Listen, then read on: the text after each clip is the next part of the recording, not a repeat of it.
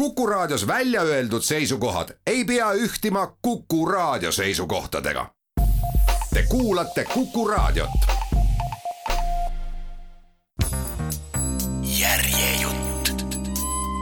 CV Corner, Marleen, kirjastuselt tänapäev. järjejutt. esmakordselt armudes olin ma kaksteist aastat vana see juhtus Auguste Victoria koolis Schönebergi eeslinnas Berliini edelaosas. selles sepistatud väravate taha peitunud madalas majas, mille uhkeldav krohvitud fassaad varjas jääkülmade klassiruumide rägastikku, õppisin ma grammatikat, aritmeetikat ja ajalugu, millele järgnes kodundus, virgutav võimlemine ja rutiinne prantsuse keele tund pika päeva lõpetuseks. mulle ei meeldinud koolis käia kuigi ma ei olnud rumal. lapsepõlves oli minu hariduse eest hoolt kandnud terve plejaad koduõpetajannasid, ehkki minust aasta vanem õde Elizabeth, keda meie peres hüüti Liiseliks, pälvis oma põdura tervise tõttu lõviosa nende tähelepanust. meie tunniplaanis oli inglise ja prantsuse keel, kombeõpetus, tants ja muusika ning meie ema nõudis neis kõigis laitmatut täiuslikkust ma olin küll kooliks teistest paremini ette valmistatud, kuid mulle ei meeldinud seal mitte üks põrm. mulle ei istunud kaasõpilaste moosist määrdunud sõrmed ja salajutud, kõik mu klassiõed tundsid üksteist juba imikuajast saadik ja kutsusid mind mu ujeduse tõttu hiirekeseks. Nad ei teadnud, et uje oli küll viimane sõna, millega mu ema mind iseloomustanud oleks. mamma ei sallinud hädaldamist kui papa minu kuuendal eluaastal südamerabandusse suri, siis varjutas meie leina tungiv vajadus kokku hoida. välist joont tuli säilitada. lõppude lõpuks pärines lesestunud Josephine Dietrich Berliinis vägagi lugupeetud Felsingite suguvõsast, kelle asutatud kuulus Felsingi kellasepafirma oli keiserliku patendi alusel tegutsenud juba üle sajandi mamma keeldus oma perekonnalt armuande vastu võtmast kuigi papa oli olnud äärelinna politseiametnik, kelle elukindlustushüvitis polnud kuigi suur. kohe pärast matuseid haihtusid üle jõu käivaks luksuseks kuulutatud koduõpetajannad olematusse. Liiseli seletamatute tervisehädade tõttu asus mamma tööle majapidajannana ning pani paika tunniplaani, mille järgi mu õde pidi kodus õppima minule tõmbas mamma aga selga halli tärgeldatud vormikleidi põimis mu maasikablondid juuksed patsidesse, sidus otstesse hiiglaslikud tahvtlehvid ning marsitas mind, lakknahast kingad mu varbaid pigistamas, kooli, kus ontlikud vanapiigad pidid asuma mu iseloomu vormima. käitu korralikult, hoiatas mamma mind. ole viisakas ja tee, mida sulle öeldakse. kas on arusaadav? ei mingit nina püsti ajamist sul on olnud rohkem privileege kui paljudel teistel, kuid minu tütred oma saavutustega ei uhkusta. ta poleks pidanud muretsema. kodus sain alailma noomida oma võitlusvaimu pärast, mis sundis mind Liiselit üle trumpama, kuid kooliõuele astudes, masendatuna klassikaaslaste erinevaist klikkidest ja kahtlustavaist altkulmupilkudest, taipasin ma otsekohe, et parem on käituda, nagu oleksid mu teadmised kaduvväikesed keegi poleks osanud kahtlustadagi, et mul võiks olla enam kui algelisi teadmisi ükskõik millises aines, kaasa arvatud prantsuse keeles. keeles, mida iga hea kasvatusega tütarlaps pidi õppima, kuid mis põriseva R-i ja peibutava S-i veidi patuse kõla tõttu ei tohtinud ühelgi hästi kasvatatud saksa tütarlapsel liiga hästi suus olla. tähelepanu kõrvalejuhtimiseks teesklesin, et olen rumalavõitu istusin viimasesse pinki ja hoidsin omaette nagu märkamatuks jääda sooviv hiir. kuni meie uue õpetaja saabumise päevani. ta tuli klassi, šinjoonist valla pääsenud kastanpruunid kiharad lehvimas ning ümarad põsed õhetamas, otse kui oleks ta hirmust hiljaks jääda kihutanud mööda koridori ja hiljaks jäänud ta oligi koolikell oli juba helisenud ja tüdrukud küünitasid üle vahekäikude, omavahel sosistades ja vahetades vihikust rebitud lehtedele kritseldatud sõnumeid. ühtäkki tuhises sisse tema, ammu oodatud asendaja madame Servanile, kes oli ootamatult kukkunud ja saadud vigastuse tõttu pensionile jäänud. ebatavaliselt kuuma juulikuu higi laubal pärlendamas heitis meie uus õpetaja kaenlas olevad raamatud lauale kõlava mütsatusega, mis sundis kõiki tüdrukuid end ehmunult sirgu ajama.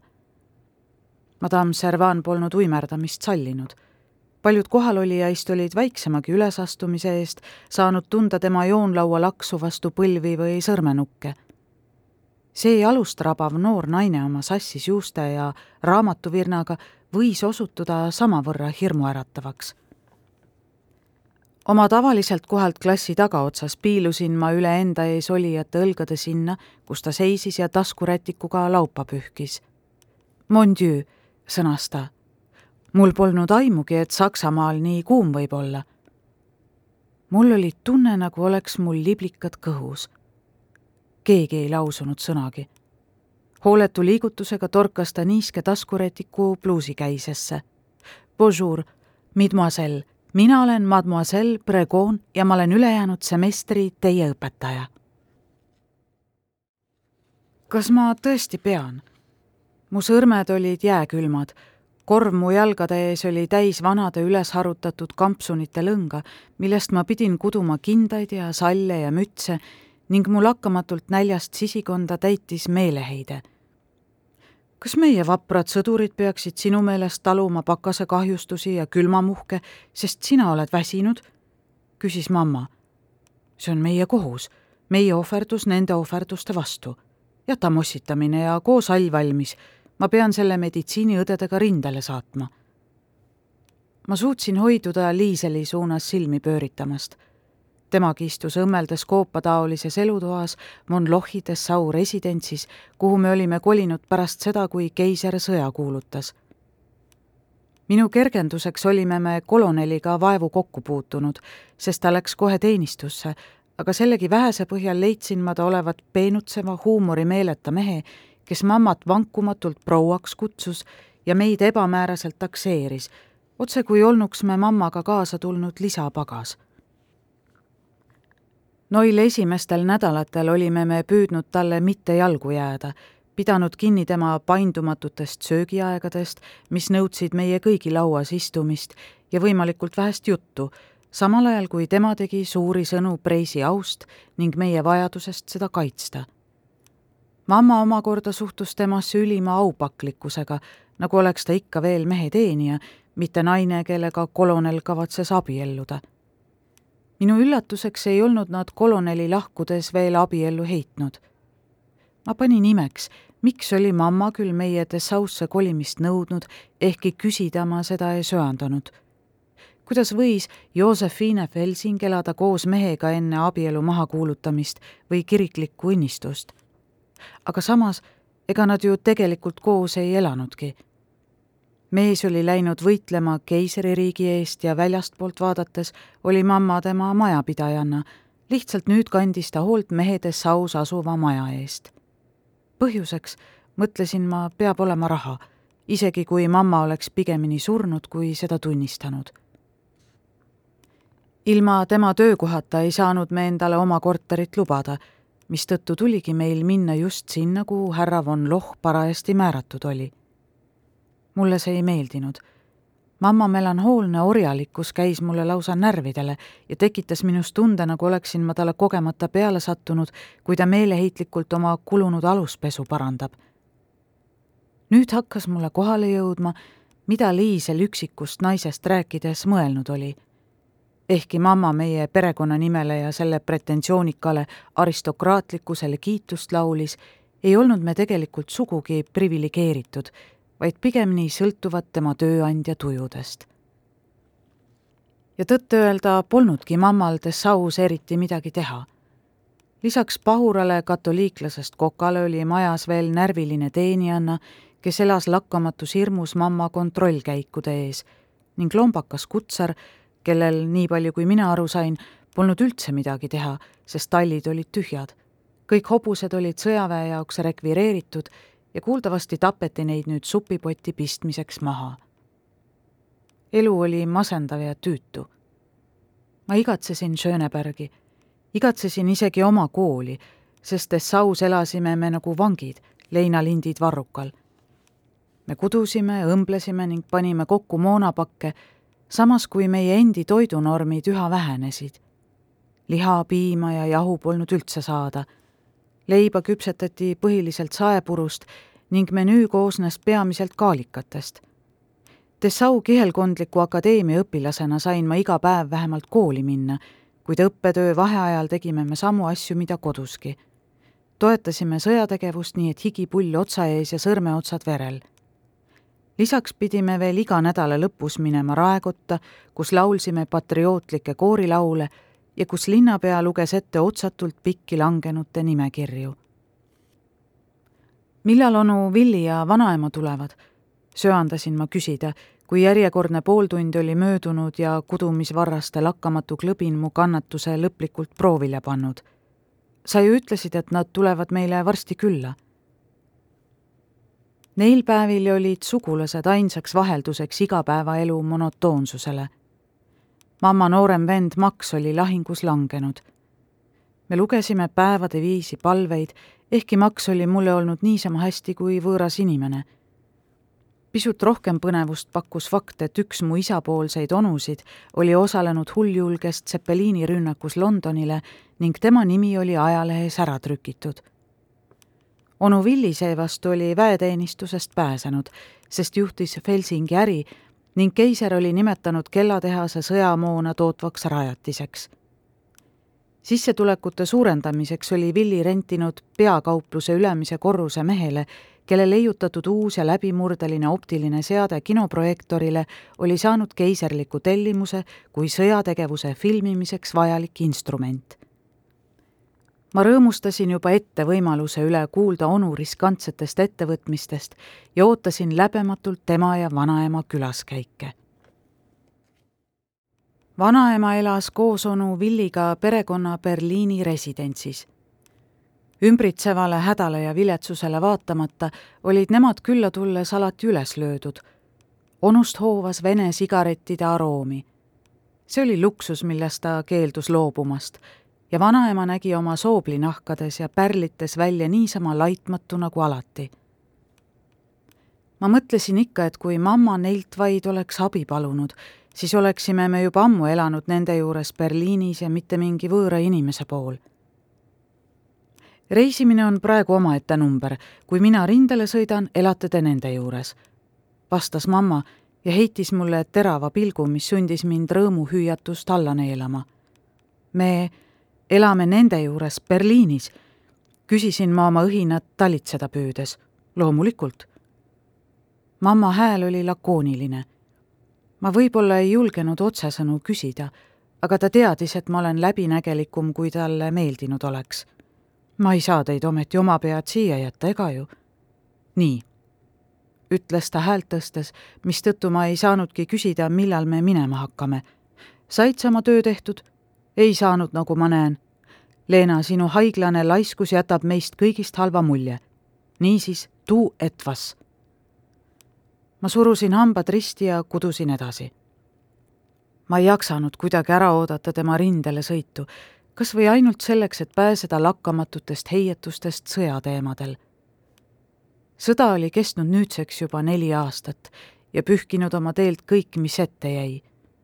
Mina ei teadnud sellest suurt midagi peale fakti, et tuhanded inimesed surid, olgu siis suurtükitule all või kaevikuid tabanud gaasirünnakutes, ent mamma uskus endiselt, et kastitäite kaupa rindele saadetavad labakindad aitavad kaasa tuua kiirema lõpplahenduse labakindad. justkui oleks auto koormatäied seda kraami aidanud keisril vaenlase vastu võidelda. mu kõht korises. Ma olin nii kurnatud ja pidevas näljas, et ei saanud enam isegi aru, mida ma tunnen. ma mõistsin, et peaksin olema murest murtud. see tundus olevat obligatoorne, kuna suremus oli kolossaalne langenute nimekirjad pikenesid iga päevaga noored mehed, samasugused nagu need, keda olin näinud Schönebergi avenüül marssimas, leidsid kohutava lõpu. Olukorra tõsiduse rõhutamiseks oli mamma võõrastetoa kamina kohale riputanud Freiligrati luuleread, tikitud ja raamitud, otse kui lipukirja. oo arm, kuni kuulud veel mulle oo arm, kuni kuulun veel sulle. küll tuleb kord tund, küll tuleb kord tund, mil su pisarad kastvad me haudade und. tööde ja toimetuste käigus pomises ta neid ridu ikka endamisi see pidev litaania meenutas Roosikrantsi palveid, mida meie kokk kümises iga kord, kui ma kööki midagi söödavat otsima hiilisin.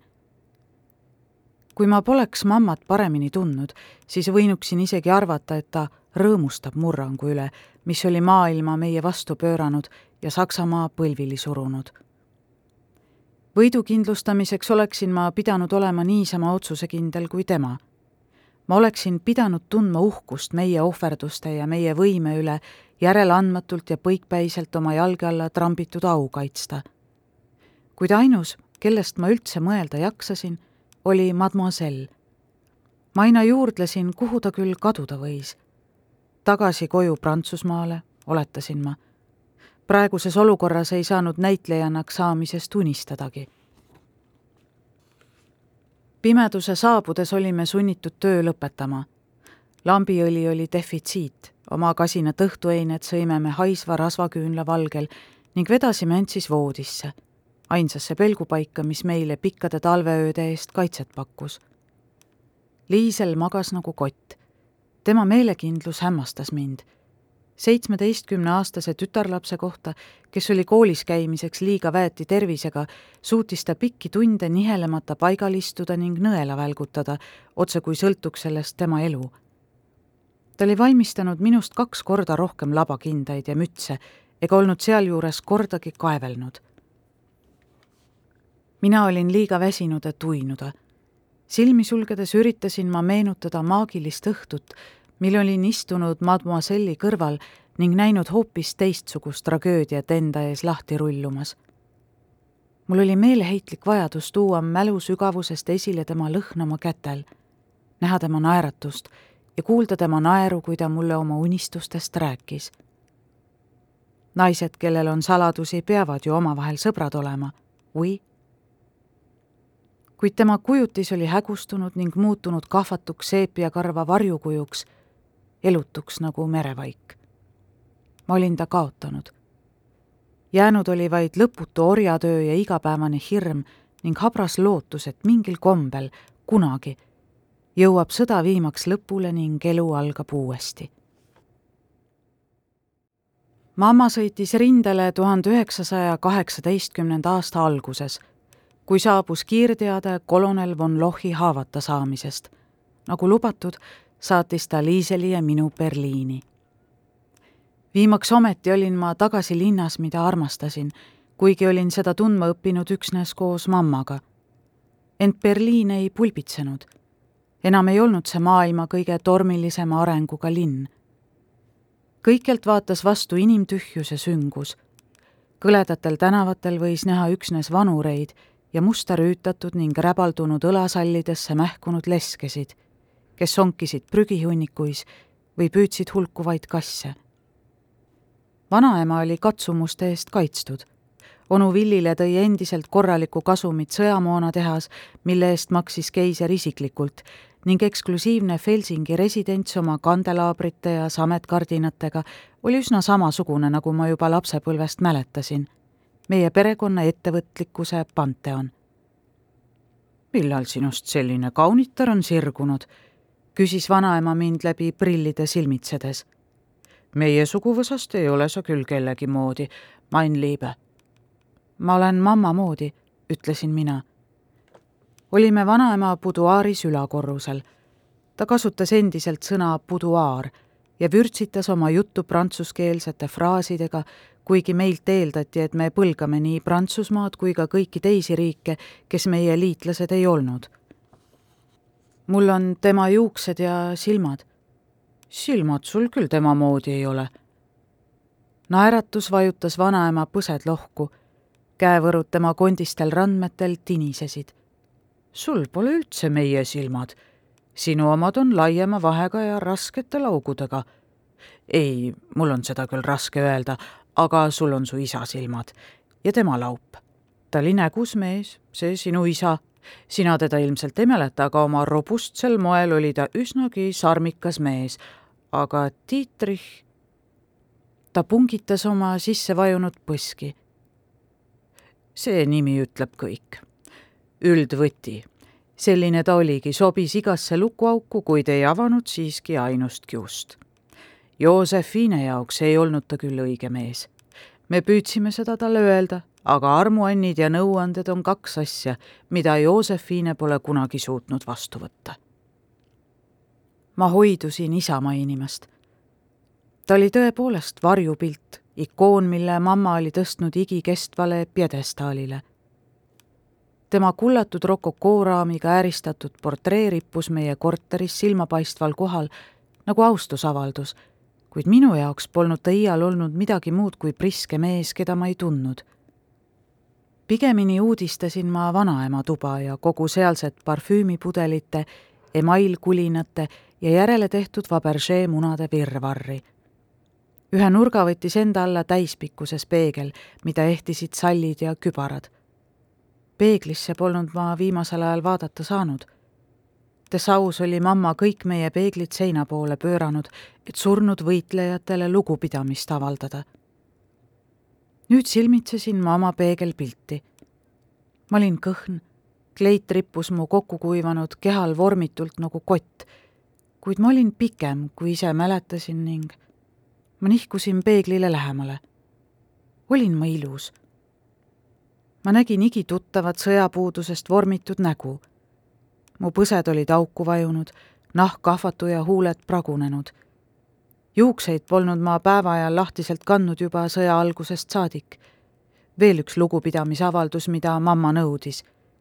ja õhtuti olin ma nende lahtivõtmiseks tihtilugu liialt väsinud nüüd päästsin ma palmikuist valla oma pead ligi hoidvad ja hädasti pesemist vajavad juuksed, mille vaskne helk tuli esile palju säravamalt kui mu lapsepõlves. kas sa tõesti leiad, et ma olen? Minu ja vanaema pilgud kohtusid peeglis. tema oli olnud kaunitar, seda rääkisid kõik. trepimademel rippuvad maalidki olid tema ilu kinnituseks. ta oli olnud üks Berliini kõige kaunimaid naisi ilujäljed viivlesid ikka veel tema krepppaberit meenutaval nahal, ploomikarva silmade säras ja laitmatus nüüdseks hõbedaga viirutatud soengus.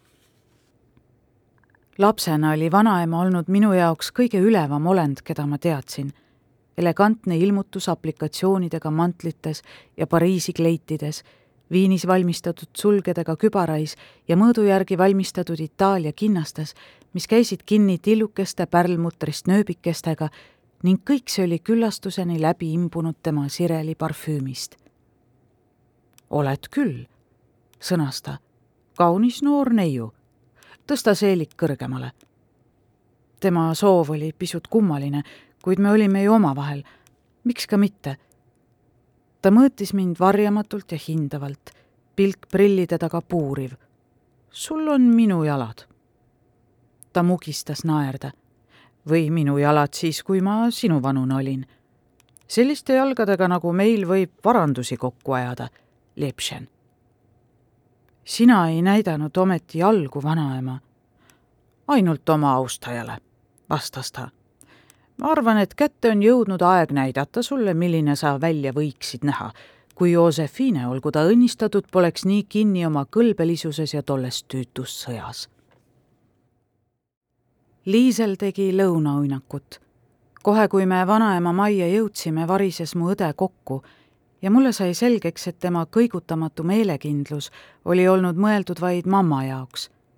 väike lõbutsemine ei saanud ju midagi kurja teha. mine mu riidekapi juurde. ta osutas vaibaga kaetud ala suunas, mis eraldas magamistuba riietusruumist, kus siidist ja atlassist, sametist villasest, linasest ja kuldsest riidest rõivastest hanged rippusid kummutite kohal, mis olid pungil täis Brüsseli pitsist aluspesu, kombineesid alusseelikuid, korsette ja sukki. hakka aga pihta, sundis ta mind tagant, kui ma kõhklesin. vali midagi välja, sul on õigus. sa oled meie Felsingite verd oled peaaegu sama kasvu ja kaalu nagu mina kuueteistkümneaastaselt sama kaalu küll mitte, vaidlesin ma vastu. ma olen liiga palju alla võtnud. just parajal määral. ta krimpsutas nina. Nagu ma mäletan, hakkasid sa juba üsna paksuks minema. kõik need kreemikoogid, praegune saepuru ja kaalikate dieet on meie ülekaaluliste matroonide jaoks tõenäoliselt parim ravim. vaata mind, ma olen peaaegu kuuskümmend kolm, aga pole mitte grammigi juurde võtnud.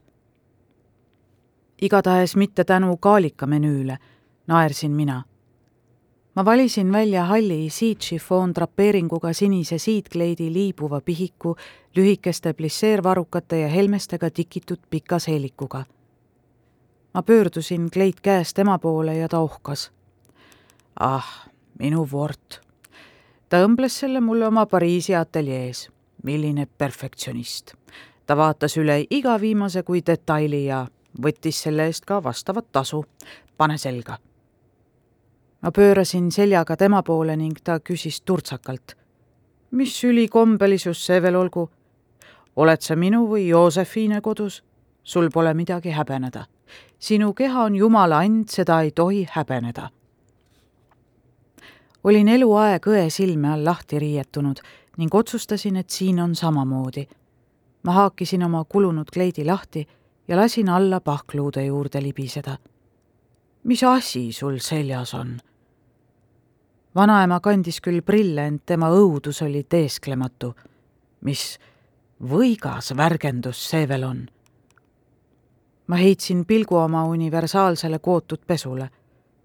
Need on aluspüksid, sõnasin ma. ta judistas end. ei, ei, nende jälkide trussikute peale sa oma esimest vorti küll ei pane. see rikub silueti ära. võta sahtlist kombinee ja korsett ja sukad ka korseti selga tõmmanud, pidin ma tema juurde kanapee äärde naasma ja paigal seisma, kuni ta mu kinni nööris. korsett oli nii pingul, et ma sain vaevu hingata. ma ei oska öelda, kui sul on tunne, nagu hakkaksid minestama, siis on väga hea, lausus ta. too kleit siia. peeglist möödudes nägin ma oma peegelpilti.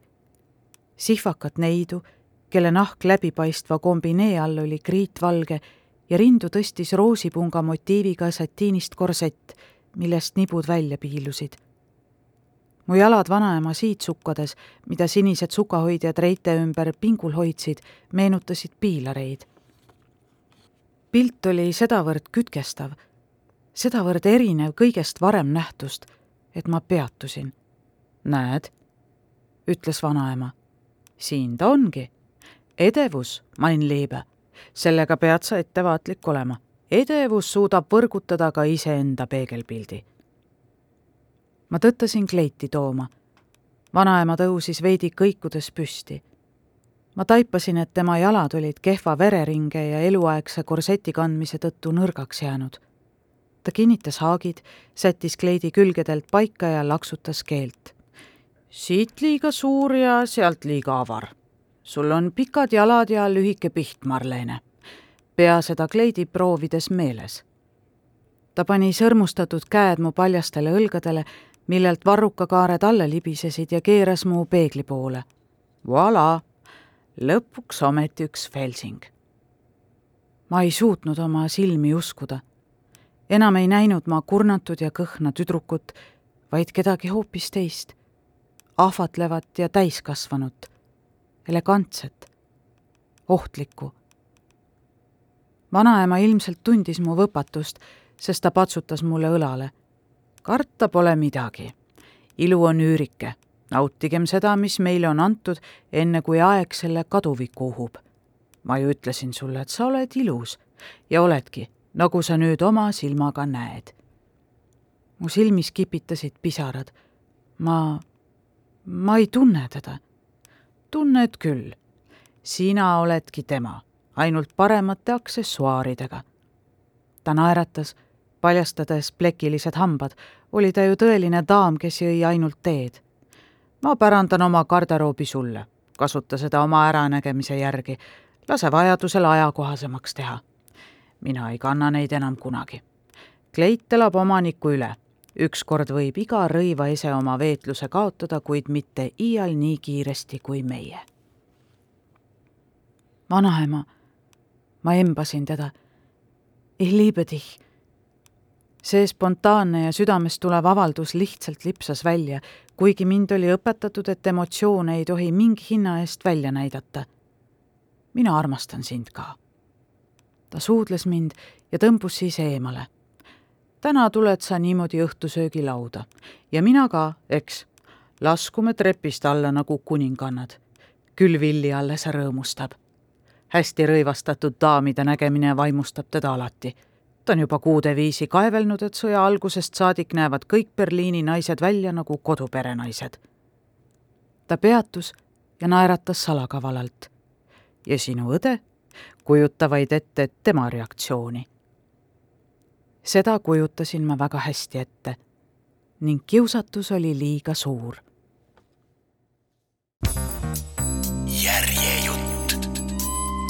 Siimi Kortner, Marleen. kirjastuselt tänapäev. järjejutt